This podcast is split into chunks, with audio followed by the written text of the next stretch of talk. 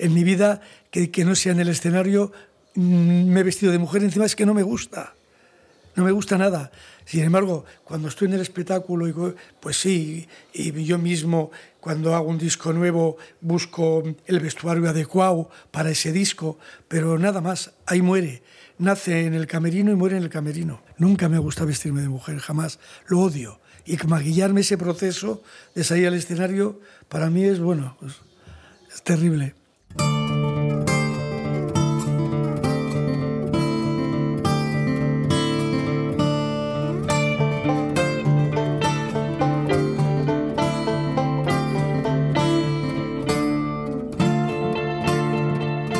Nuestro anfitrión esta semana es José Antonio Nielfa, más conocido como La Ochoa.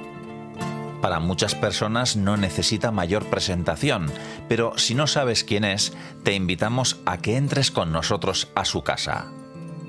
Esto es Estamos Dentro, un podcast producido por Ulu Media para ITV Podcast.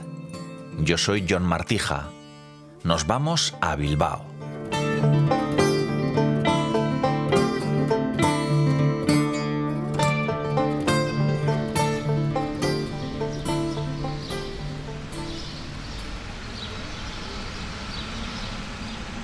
Bochornoso domingo de mayo, 11 de la mañana, después de un sábado en el que se mezclaban de manera surrealista las celebraciones de comuniones con las despedidas de soltero, el bocho suena así.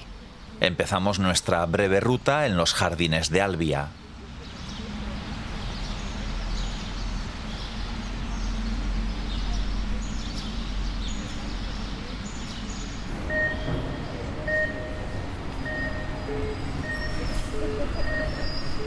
Continuamos por la Gran Vía. Está cerrada al tráfico. Camino por el asfalto.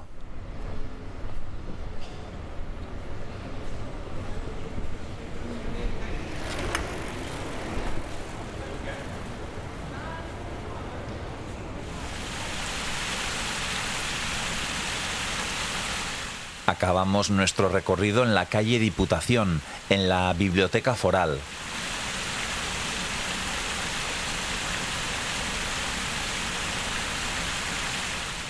Enfrente vive la Ochoa.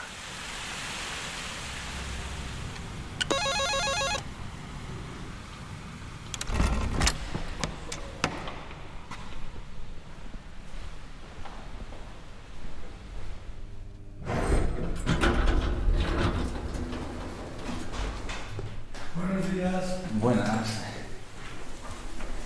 Hola. Hola. ¿Qué tal? Pues bien. Pues pasa, venga.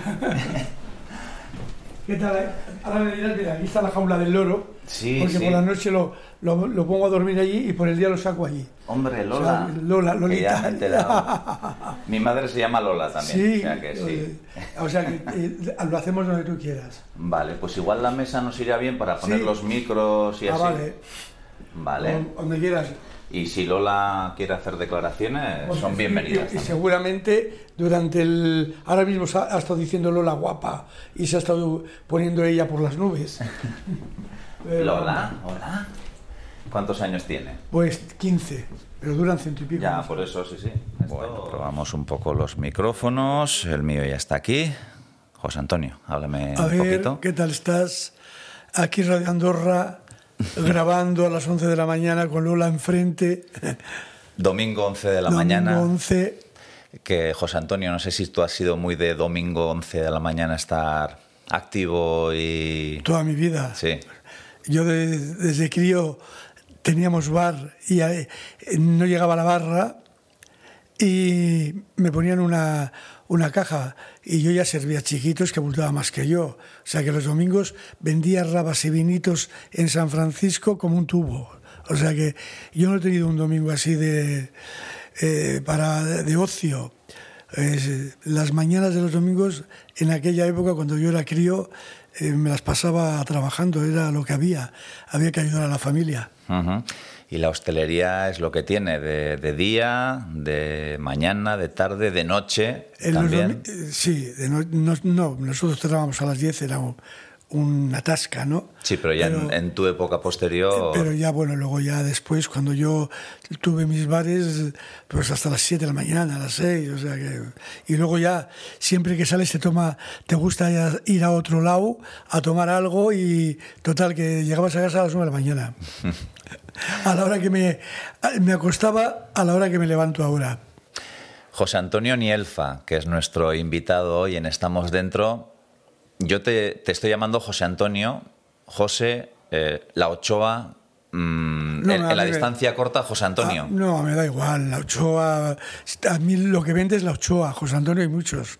Me da lo mismo. Bueno. Como decía la, la copla que ya, como me quieran llamarme, me tengo que conformar. No, pero no hay ningún problema. Eh, a veces... Eh, el personaje... Claro, es eso, ¿no? Uno es el personaje... Sí, pero el personaje ha desbordado al... o sea que perfecto, Ochoa. Claro, em, veníamos, como era domingo por la mañana, veníamos grabando sonidos de la ciudad. También hemos estado en Jardines de Albia. ¿Cómo suena un domingo por la mañana Jardines de Albia? O la Gran Vía, ahora con el tráfico cortado. ¿eh? qué, diferencia? Eh, aquí en la calle Diputación, que estamos, como quien dice, en plena zona cero de, Bilbao. Y, y Bilbao también suena a la Ochoa, por supuesto. ¿no? ¿Te sientes parte del sonido de la ciudad?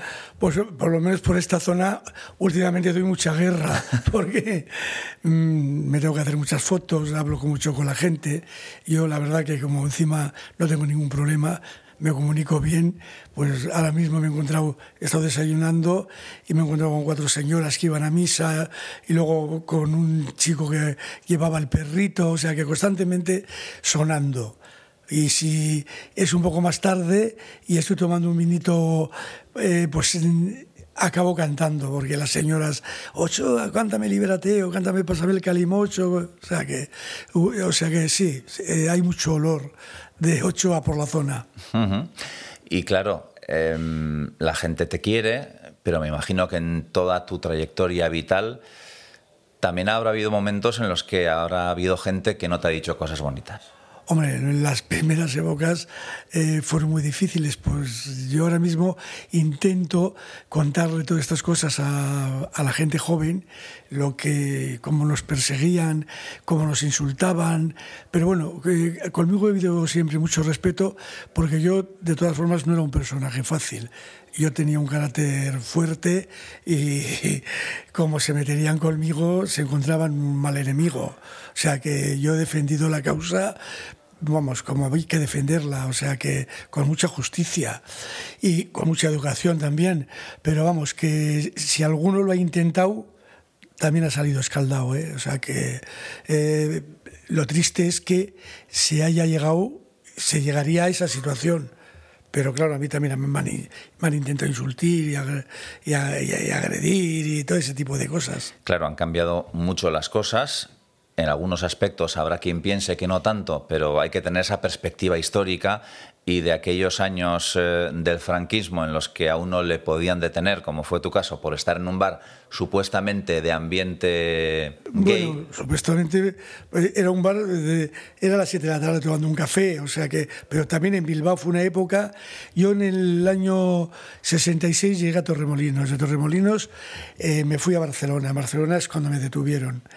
Eh, en Torremolinos, que era, vamos, era eh, la, libertad personificada no de, Europa, era otro mundo. También en los 70 hicieron unas redadas increíbles. Fue una época en que Fraga Iribarne eh, le dio por meterse contra nuestro colectivo. Él, él, quería que nos iba a hacer desaparecer. Fue todo lo contrario. Yo creo que sembró alguna semilla que aparecimos más y con más fuerza. Pero en fin, que nos persiguieron muchísimo, fue una época muy difícil y yo se lo cuento a los chavales ahora porque lo siento mucho, no me gusta, cada día me gusta menos la política, pero la gente joven gay, qué mal informada, cómo la historia, cómo la cambian, cómo la cuentan luego. ¿Cómo puede votar un gay a la derecha? Pues ahora eso es casi normal. Cuando los padres de, eh, los padres de, de, esa gente nos perseguían y, a ellos los echaban de casa. O sea que eh, la historia cambia, pero a mí me da mucho miedo. Me da, me da muchísimo miedo porque eh, matrimonio gay recurre la derecha siempre y luego son los primeros que se casan. Pero está recurrido, digo, ¿pero qué? Y siempre se benefician, ¿no? Pero yo, la verdad, bienvenidos al club, pero como decía mi abuela, siempre decía mi abuela, que perdimos la guerra por los chaqueteros. Los chaqueteros no me gustan. Bueno, vamos a recorrer toda esa trayectoria vital de José Antonio Nielfa, de la Ochoa. Eh, arrancabas, lo comentabas, ¿no? Esa vida en el barrio de San Francisco, que también cómo ha cambiado ese barrio. Pues eh, ambiente hostelero, ambiente, bueno, pues eh, con mucha vida, con mucha alegría, con mucho trabajo también, porque como decías, desde muy chiquitito te tocó trabajar en el bar familiar. un barrio muy alegre, un barrio maravilloso, yo creo de clase media donde estaba la palanca Lau, donde había 130 cabarets con luces de neón, que era una belleza y que le daba mucho colorido.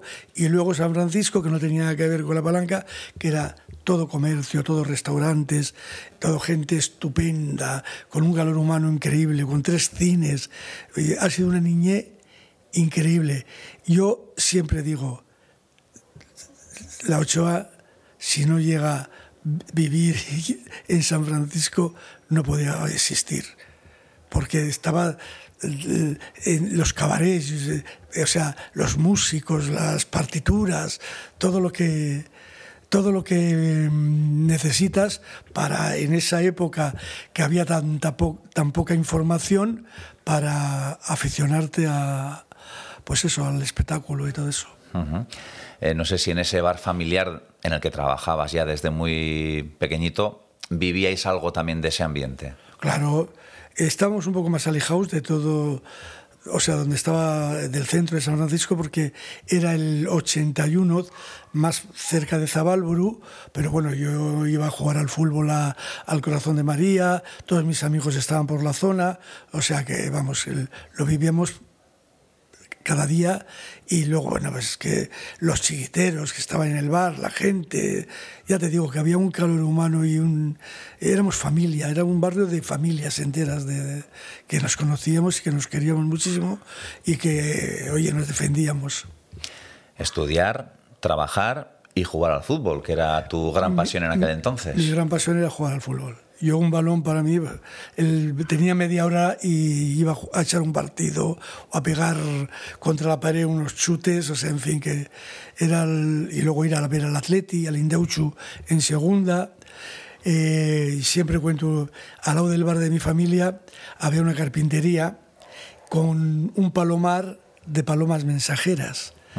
Y entonces eh, había un señor que vendía lotería en Bilbao con, se parecía físicamente mucho a aquel presidente de Francia, de Gaulle. Sí.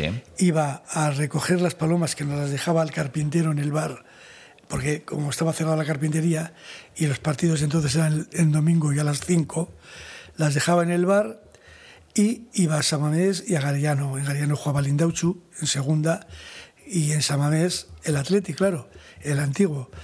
Y cada vez que me marcaba el Atleti un gol, soltaba una paloma que llegaba hasta Santa Marina y los enfermos sabían si era blanca era un gol del Atleti, si era negra del equipo contrario.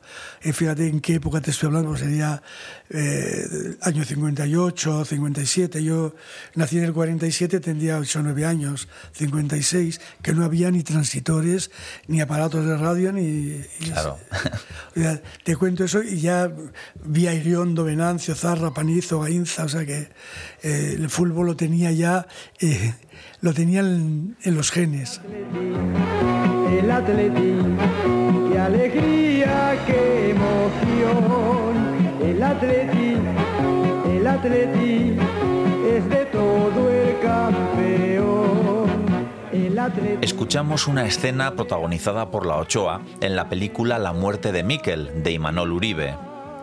Este largometraje de 1984 fue uno de los primeros taquillazos del cine vasco y reflejó una realidad oculta hasta entonces, la de la homosexualidad y más concretamente dentro del contexto de la izquierda abertzale.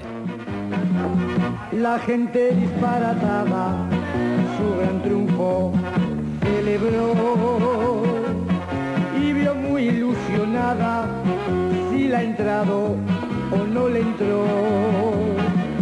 Por el fútbol hasta locas gritan llenas de pasiones, soñando con las pelotas de todos los jugadores. Con 14 años mm, hiciste una reflexión o, o descubriste algo en, en, una época y en un lugar en el que ni se hablaba de eso, ni, ni se vivía, ni, ni, se sabía lo que, lo que era. Bueno, incluso en algunos casos había gente que lo consideraba, de hecho, por desgracia, todavía hay gente que lo considera una enfermedad.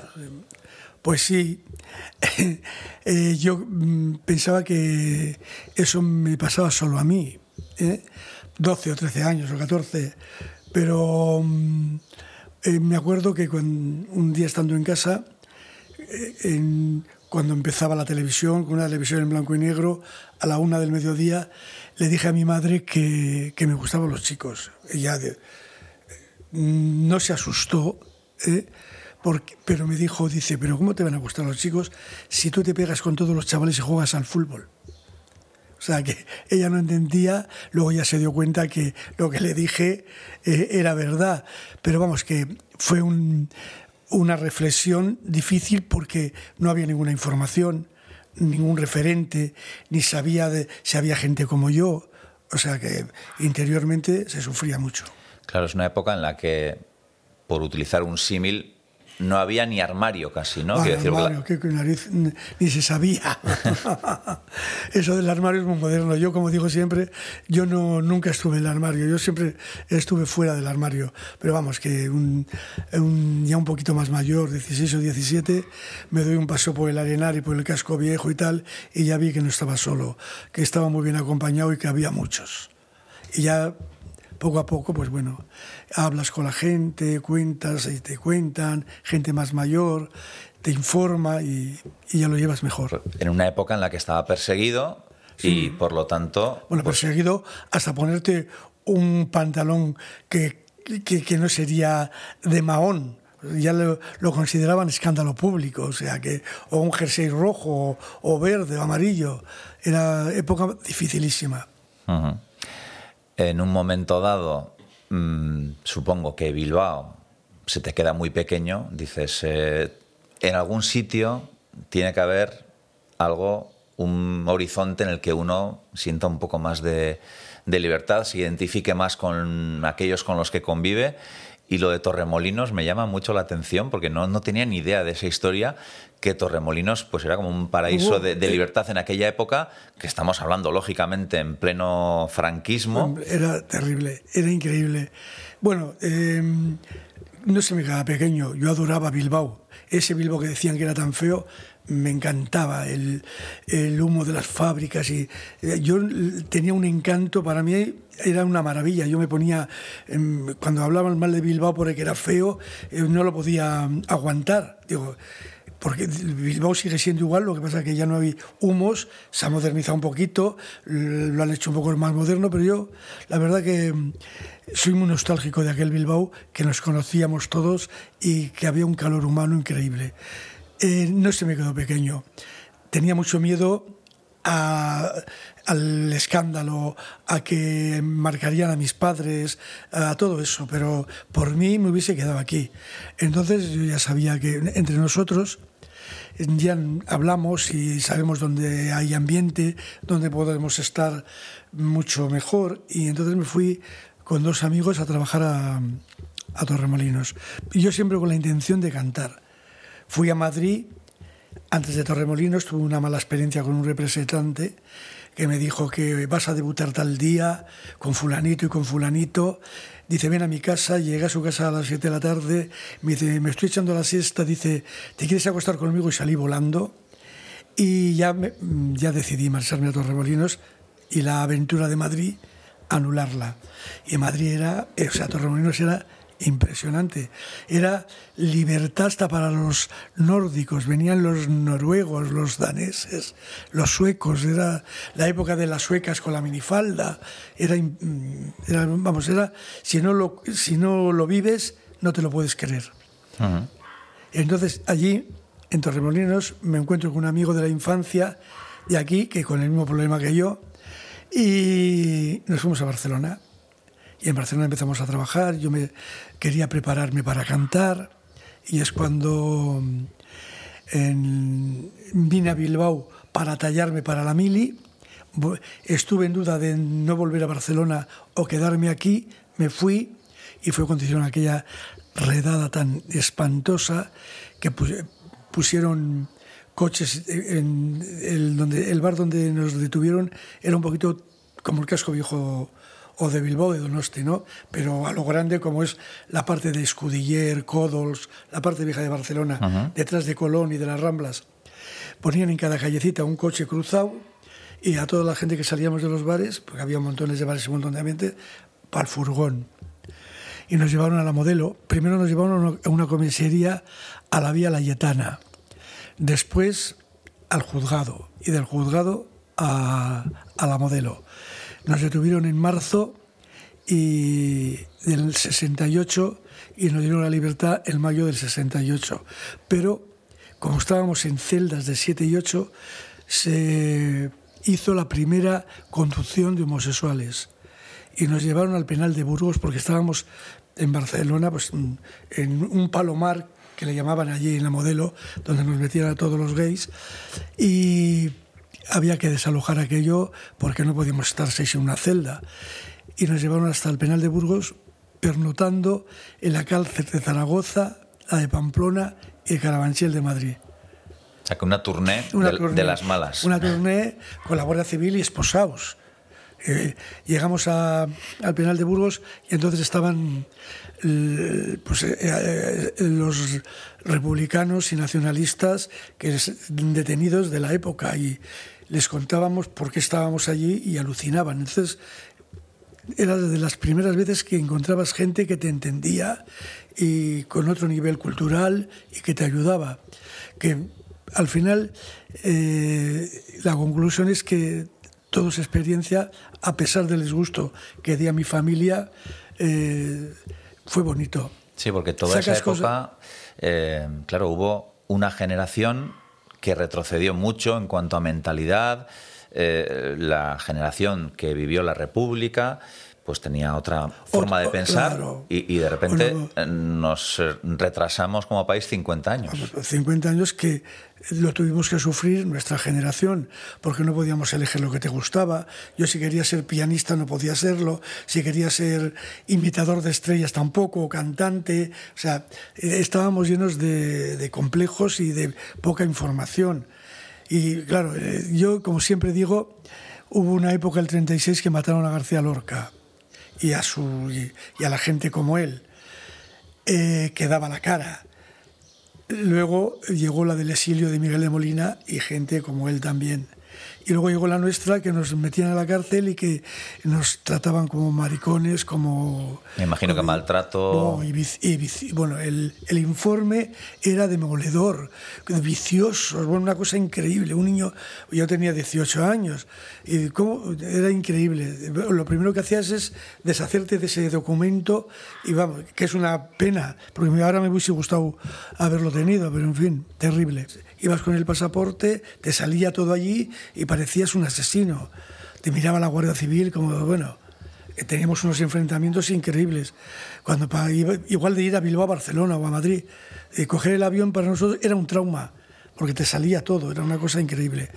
Bueno, luego con el tiempo, en la época de Zapatero, eh, a través de una asociación de expresos sociales, nos reconocieron como gente que como, pues eso, que justamente fuimos detenidos y nos indemnizaron con, creo que fueron 5.000 euros o, Bueno, no tiene nada que ver el no, pero el reconocimiento... El reconocimiento sí que es una reparación es, una reparación, sí.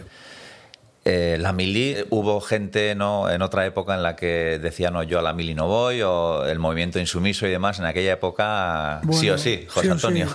Yo intenté de todas formas librarme, que si estaba sordo, dice, ¿no tiene usted por ahí algún... ¿Esto cómo se llama? Algún tapón. Algún tapón. Pero a mí yo hice la mili los tres meses de, instrucción en Araca y luego eh, el año en Santander, en el ABQ. Entonces Araca fue maravilloso, no tuve ningún problema, y ganaba pruebas deportivas y todo, en fin. Pero cuando llegué a Santander ya le llegó el informe de mi conducción de homosexual. Me llamó el capitán y me dijo, usted ha venido aquí a hacer paso firme, no paso de ballet. Digo, está claro, digo, yo no he venido, me han traído, pero me adaptaré. Y luego el capitán, que era un hombre muy serio, y muy, como eran los militares de aquella época, como muy disciplinado. Eh, había lo del cuartel, un campo de fútbol, y me vi jugando al fútbol y, me y se portó bien conmigo, o sea que, que le confundí mucho. Porque al fútbol jugabas bien. Sí, jugaba bien, sí. Pero le equivoqué mucho. Eso de, de jugar al fútbol y otro, luego llegaron los campeonatos de militares y se hizo una selección, el teniente que se dedicaba al deporte y todo esto.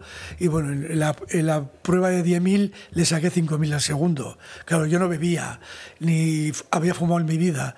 Pues eh, aquello ya empezaba el pacharán, el calimocho. Y pues al segundo casi le dejo y, y o sea que ese tipo, el hacer deporte, eh, hice, me dieron un destino, o sea que la mili no, no tuve problemas de ningún tipo. Todo el mundo, todo el mundo sabía que era gay, todo el mundo, porque no sé cómo se enteraron. Inclusive un chico por la noche soñaba conmigo y decía mi apellido y mi nombre en voz alta, con lo cual fíjate qué cachondeo ahí en la compañía. Pero bueno, es otra experiencia. Eh, ahora que hablabas, José Antonio, de fútbol y homosexualidad, eh, hace pocos días eh, ha sido la noticia de un futbolista inglés, profesional que ha dicho que, que, ya no aguantaba más y que, que declaraba su homosexualidad. Ah. Pero es que ¿cuántos habrá? Pues montones. Yo creo pues un 20% de los futbolistas o un 30%. Yo he conocido a muchos en mi época no voy a decir nombres, inclusive paseando por Biarri, en Biarri había un club que se llamaba Le que donde se podía bailar los homosexuales en los años 60 finales y los 70, donde íbamos los homosexuales y, eh, de, Donor, bueno, del País Vasco sobre todo, y Navarra y La Rioja, y porque podíamos bailar a lo agarrado. Y allí por el paseo, por el eh, había como la cueva del amor que contaba una historia que una ola, eh, dos, un niño y una niña que se iban a ver allí, una ola les llevó y bueno, esas historias que se cuentan. Por esa zona me encontré con algún futbolista de la Real y de los Asuna. Y, y del Athletic también, ¿no? Del Athletic por aquí. en aquel caso no, eran de los Asuna y de la Real. Vale, vale. Pero, Pero cuando le dije quién era, voló. O sea, ya no tuve acceso a más conversación. Pero qué duro tiene que ser, joder, en pleno siglo XXI, 2022, eh, tener que vivir una mentira. Ya, pero la gente, actualmente hay cantidad de mentiras, ¿eh? Cantidad. Yo digo, pobres chicas. O bueno, o están encantadas de que las digan, mira qué bien vestida estás, que este pañuelo te favorece, igual son sus estilistas y les interesa más que, que, pues que las empotren a cada día, o sea que cada uno, y luego hay códigos de parejas estupendas que me parecen muy bien, pero verdaderamente sigue gente que, que se echa novia, que se casa y que no sale del armario, no sé por qué. Pues sí, es un mundo, mm, el del deporte en general y el del fútbol en concreto, ¿no? Por la difusión que tiene también, la, proyección que tiene. Yo, me supongo, eh, yo conozco gente del baloncesto, del tenis, de, todos los deportes, pero ¿cómo no vas a conocer? Ciclistas, y, en fin, pero tienen pánico. Bueno, eh, bueno, la prensa deportiva de todas formas... Eh, yo me acuerdo hace muchísimos años una chica que jugaba al baloncesto, que, que era gallega, y José María García la defenestraba en, en aquel programa que tenía. Sí, Super García. Super García. Ya no me acuerdo, Paino me parece que se llamaba la chica, alta con gafas. O sea que te quiero decir que claro, el, miedo es libre. Con, no sé si cambiarán las cosas con la irrupción del fútbol femenino eh, que está cogiendo mucho auge, evidentemente todavía está años luz, ¿no? De la repercusión, Bueno, de, de lo que genera el fútbol masculino. Pero fíjate, pero a- sí que se vive de otra manera eso. Ayer el partido del Barça con el León estaba el campo abarrotado, o sea que y juegan eh, juegan maravillosamente bien al fútbol, o sea que yo estoy muy por porque las chicas hagan de todo, jueguen al tenis y jueguen al fútbol, poseen, pero ¿por qué no? Eh, hemos pasado así de puntillas por esos inicios como cantante eh, en los que todavía no existía ese personaje de la Ochoa y de hecho mm, no cantabas vestido de mujer. Yo mi inspiración fue en Barcelona. Barcelona para mí fue todo, me, pasó de todo, lo bueno y lo malo. Entonces, y en la época aquella, Barcelona era pues otro canto a la libertad. Era la, la puerta de Europa, cabarets, eh, tablaos, eh, en fin, el carrusel de París con todos los transexuales. eh, allí estaban en el New en el Cambrinus. Y yo veía mucho espectáculo en el Barcelona de Noche, donde estaba Madame Artur, que era la que conducía el espectáculo. Y yo me di cuenta que era muy tímido cuando cantaba. Y tampoco yo quería cantar con un smokey o con una chaqueta y, una corbata, como lo hacía Serrao o Rafael o Víctor Manuel, que eran mis referentes, ¿no? Yo quería dar espectáculo y encima yo era muy tímido, me ponía muy nervioso con el público. Y eh, allí el personaje, claro, que yo no que allá en aquella época era, había imitadores de estrellas que eran igual que, las, que las estrellas que imitaban hacían playback, pero el movimiento de la boca, eh, físicamente eran iguales, los movimientos de artista, eh, te, imitaban a Edith Piaf, a Marlene de Tria, a Liza Minnelli, en fin, a Lola Flores, a, a Sara Montiel, y eran idénticos. Era una maravilla, se lo trabajaban, eran bailarines profesionales que sus mitos las estudiaban y eran igual. Y, y yo iba a ver ese tipo de espectáculo muchísimo. A Cosinelli, que fue la primera transexual impresionante, que luego la vi en Madrid también. Entonces, mm, te digo que la inspiración fue aquello para mi personaje. Pero yo, yo no, ni soy travesti ni transformista. Es, pues bueno, como... eh, Una especie de- de eh, eh, coraza para no, esconderte. No, es- no, era dar espectáculo y dar... mm, o sea, dar espectáculo. Pero que con el personaje Can- quizás vencías la timidez. Siendo la Ochoa, cantar, pero eh, como personaje, ¿no? Mm, Dar algo más.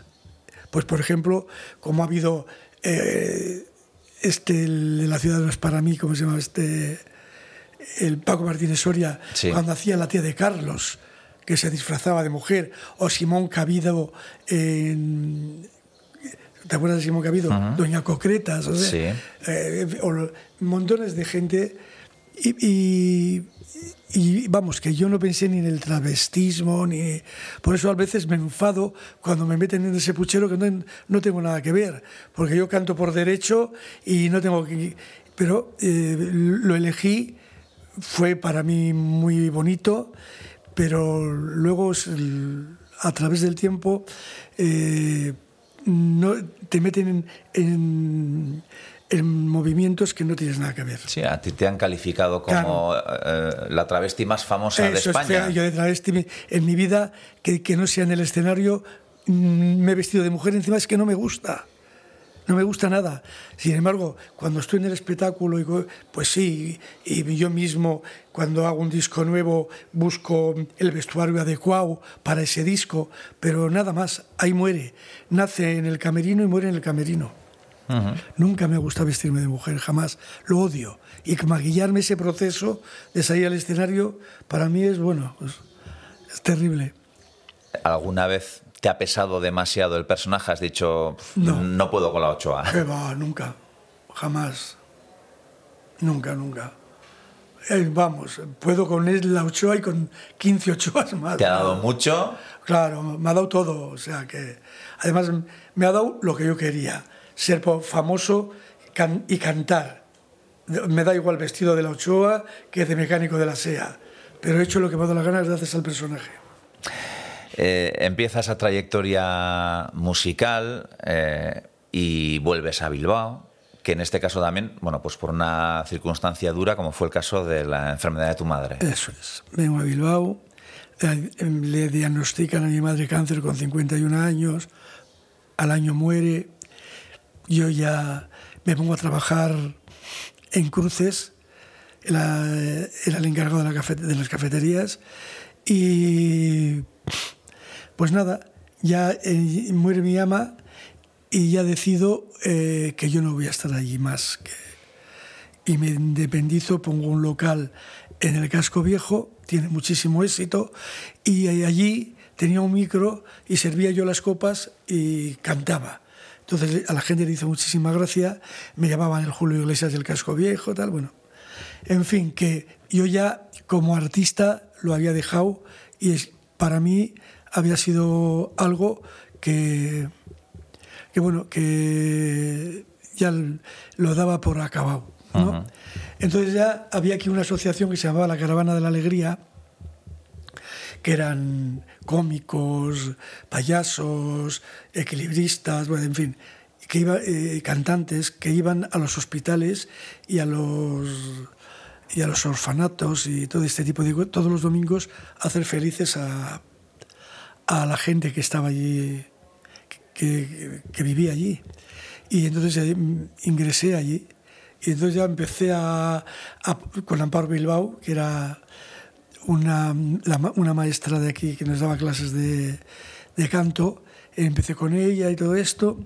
Luego pasó lo del bar. A través del bar me vienen dos periodistas y dicen, Ochoa, vamos a hacer un vídeo imitando con la imagen de Victoria Priego y la voz nuestra para lanzar un mensaje feminista. ¿Tú te atreverías de disfrazarte de la Ochoa y, hacer, y cantar tus, las canciones que cantas aquí en el bar? Le dije que sí. Eh, se hizo en la chosna de Federico Ezquerra, las fiestas de Bilbao, y se montó una gordísima. El Libérate fue el himno. Libérate, libérate ser mariquita no es un delito, no lo calles, lanza el grito. Libérate, libérate. Si eres vivo y no estás muerto, a darle gusto y a tu cuerpo. Lleva al aire tu pancarta, no lo quieras ocultar. Y que un mal rayo le parta a quien no quiera tragar. Libérate año creo que 1979. Eso es. Y, y, eso, ¿no? Que los bares han marcado tu vida porque de hecho ese sobrenombre artístico de la Ochoa viene de otro bar. De la Ochoa, de otro bar en San Francisco. Mi familia dejó el bar.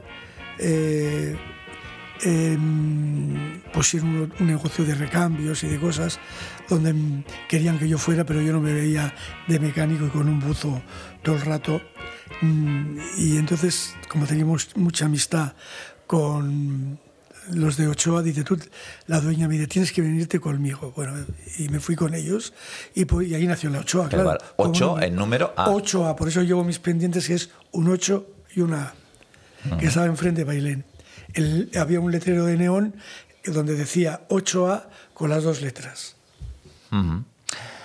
Y ese momento, ¿no? En la Semana Grande del 79, ese Libérate que fue, sociológicamente hablando, ¿qué pasó? Una revolución, una revolución.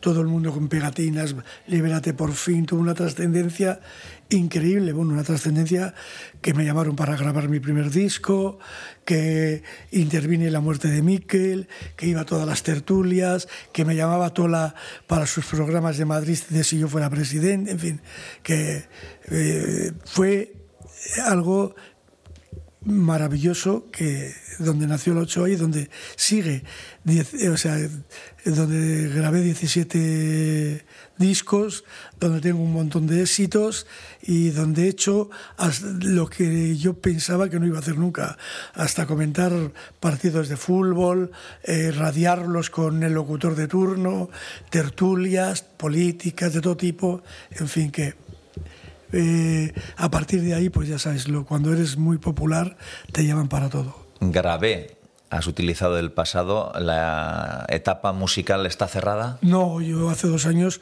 antes de, del virus, grabé mi- con mucho orgullo un disco precioso que no se ha promocionado muchísimo por la etapa, pero canto una canción y que, que es estupenda, que yo quiero que sea el, el himno gay. O sea que no, no, no se ha acabado y ahora he estado parado.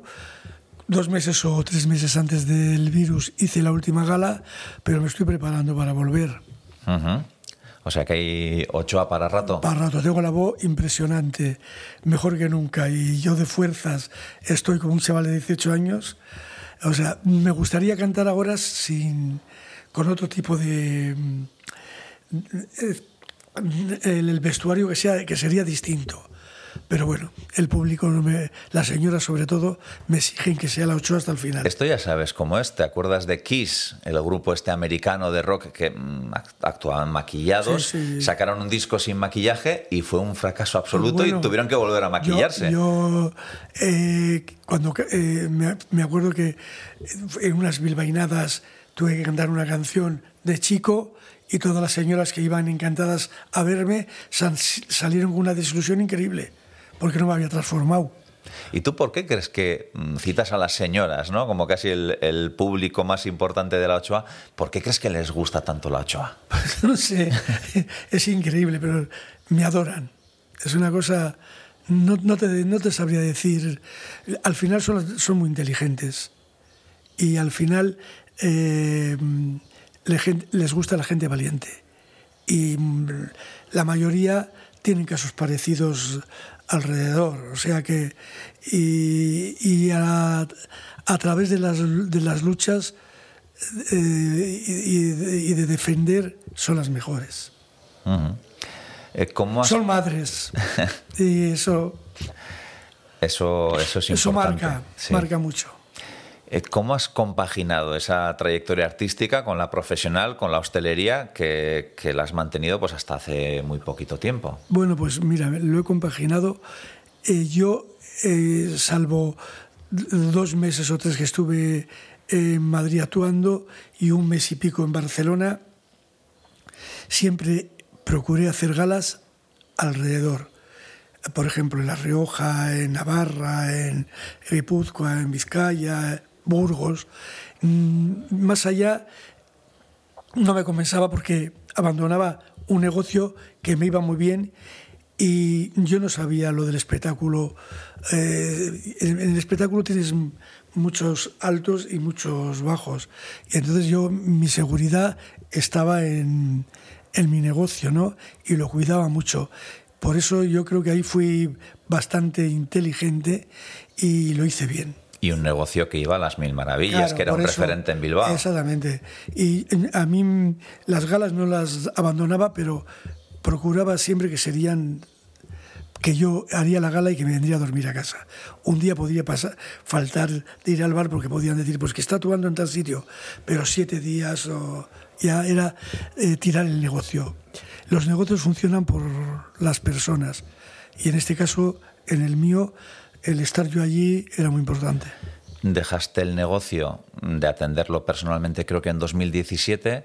Y mira lo que ha venido después, ¿no? O sea, dices, Sí. bueno, pues eh, mm, tuve buen ojo. Bueno, yo ya estaba muy cansado, llevaba 40 años, bueno, 40 años con mi negocio, pero desde chiquitín en la hostelería y ya no, ya necesitaba estar más tranquilo y sobre todo la noche había cambiado muchísimo y la noche que, que iba llegando no me gustaba. Y ya decidí, di- digo, nada, ya esto ya se acabó y hay que vivir de otra manera. Y en ese vivir de otra manera también eh, hace poquito tras, te has trasladado a Bilbao. Antes Sí. eh, residías creo que en Sopela. Eh, Sí, en la Rasterra, Sopelana. Un poquito, ¿no? En un entorno No. junto al mar, aparte. Y... Y allí he vivido 42 años. Y 42 años de una felicidad increíble. Porque venía de, la- de hacer galas, o iba del bar y allí descansaba, tenía mi piscina, la playa al lado. O sea, que estaba encantado de la vida. Pero eh, ahora, a, través de mi jubilación y el estar allí me di cuenta que me estaba incomunicando, que me estaba metiendo en una cárcel de oro y que a las nueve de la noche me iba a dormir, veía la tele y ahora estoy muy feliz porque estoy todo el día en la calle, eh, fíjate en qué zona estoy y vamos, salgo de noche el fin de semana y vengo a las 4 de la mañana también y a las 5, o sea, que yo creo que era la etapa que, que necesitaba. Pero vamos, yo entendía que tenía que haber un cambio, pero es que cumplí 74 el 11 de septiembre y me levanté como si tenía 18 con una energía y, sigo. Entonces, la edad para mí es como un adorno. O sea, mientras no la note, pues a vivir. Eh, Bilbao, que evidentemente es una ciudad, eh, tiene otra alegría de lo que puede tener eh, esa zona en Sopela, pero sí que ha cambiado mucho también de, de, aquella época dorada. No, no tiene nada que ver. Es un Bilbao que, que a través de, de un alcalde que falleció y por eso no lo quiero nombrar, el ocio nocturno lo defenestró. Eh, ya no tiene nada que ver con la época que yo viví que era una vamos, que es que salías de mi bar y tenías siete salas de, de, actuaciones diarias de cantantes cómicos en fin te ibas a casa a las nueve de la mañana todos los días pero te lo pasabas bien y no hacía falta beber mucho ni, ni llegar muy perjudicado ¿eh? pero era un Bilbao que, bueno, que ya no existe, es otra forma de alternar. La juventud tiene otros hábitos. Han cambiado los tiempos. Pero bueno, como nos decía José Antonio Nielfa, tenemos Ochoa para rato. Desde luego. Ahora eh, estoy planteándome hacer una gira de despedida, pero que no sé cuándo será la despedida. Sin que se acabe. como los toreros. Yo la vamos a anunciar así. Y a ver, eh, cuando se acabe, se acabó. Pero si se acaba seguramente será porque yo ya estoy cansado y para arrastrarme por los escenarios jamás lo va a ver nadie. Yo eh, eso no quiero.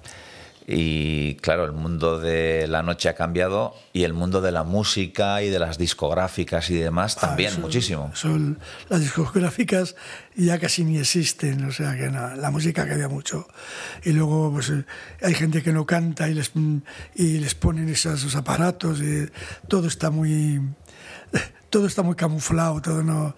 Nosotros cantábamos por derecho y yo cuando voy, a ver un espectáculo hay un cantante maravilloso, disfruto tanto que ahora pues nada, eh, con las modas, los reggaetones, las historias, les ponen una música así para que bailen y la juventud se conforman.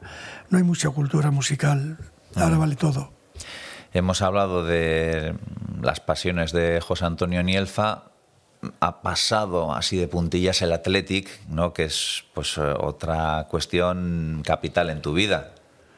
es parte de mi vida el Athletic, eh, el fútbol, pero sobre todo el Athletic, claro, porque mm, si no tienes pasión por algo o quieres algo, es ver un, yo veo un partido que, no está el Athletic, lo veo, pero no disfruto, me da igual pero cuando el corazón sufre y palpita y, la sangre te se revoluciona es distinta. Y de esa gira de despedida que no se acabará de la Ochoa, no sé si tienes un poco proyección de cuándo podría empezar, alguna fecha. Bueno, pues igual para septiembre, octubre. Y las galas de verano las vamos a dejar, hay que hacerlo con tranquilidad. Tengo que pensar en el vestuario, el repertorio, fíjate, eh, además últimamente grabé un popurrí de todos mis éxitos, porque cada vez me pedían una, otra, y claro, todas no puedes cantar, que si el Calimocho, que si Mariloca, que si las Remolinos, que si Toma Bacalao, que el pelo para atrás. Y entonces he hecho un, un popurrí que se llama Ochoa Dance, que con un trocito de cada una. Como presentación les doy gusto a todos y luego ya seguimos con el espectáculo.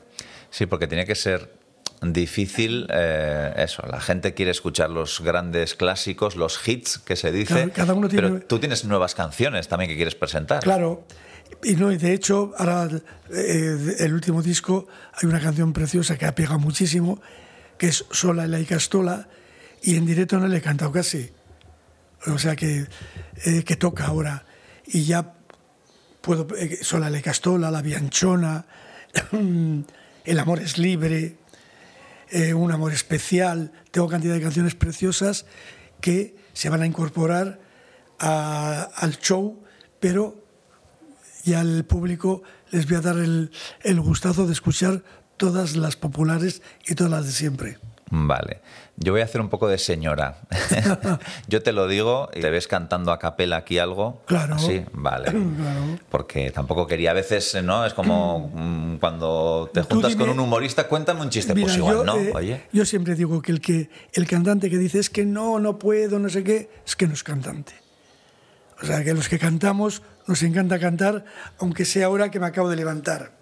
Eso. Tú dime lo que quieres que te cante. No, la que, la que tú quieras, Bueno, la, pues la vamos- que te apetezca. Vamos a empezar. eh, eh, oye, te- yo te podría cantar un bolero, una copla, algo desconocido, pero seguramente que todo el mundo querrá que cante Libérate. Pues venga. En las calles hay pintadas y están de moda hoy en día, negras, verdes, coloradas, pidiendo la algarabía. Y hoy mismito he visto una que me llegó al corazón, de verdad como ninguna, y llenita de razón. Libérate, libérate, ser mariquita no es un delito, no lo calles, lanza el grito.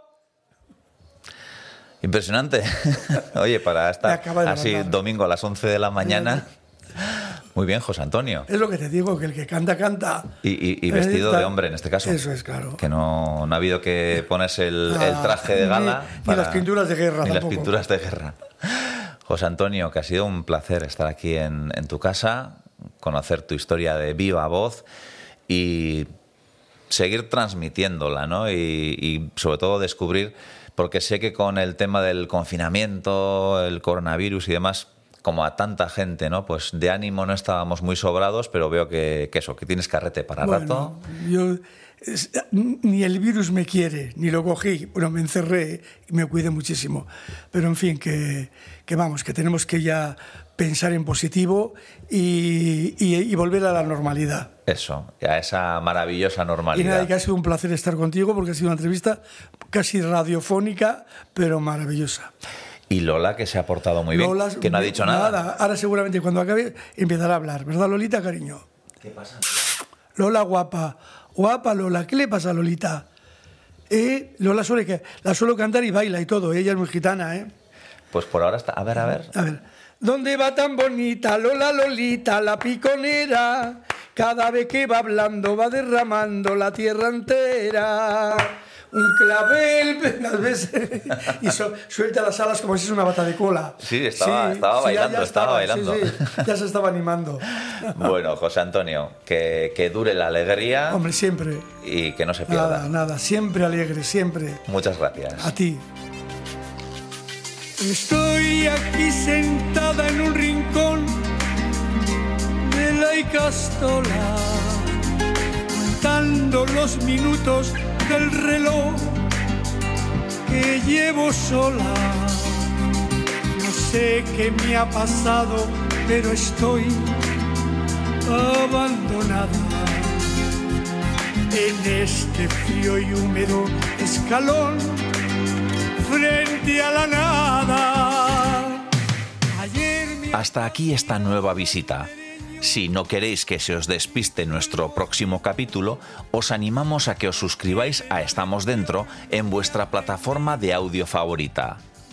Ulu Media produce para EITV Podcast este contenido que cocina con cariño un servidor, John Martija. Nos podéis encontrar en las redes sociales para contarnos qué os ha parecido la entrevista. Hasta la próxima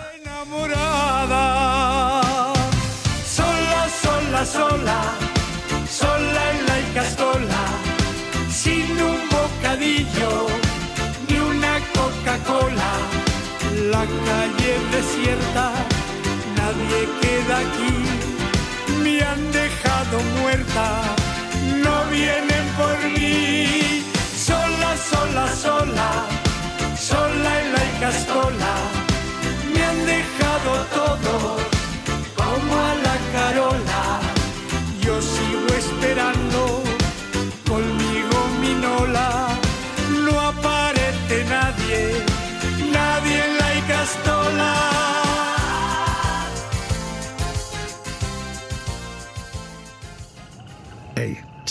entzun hori.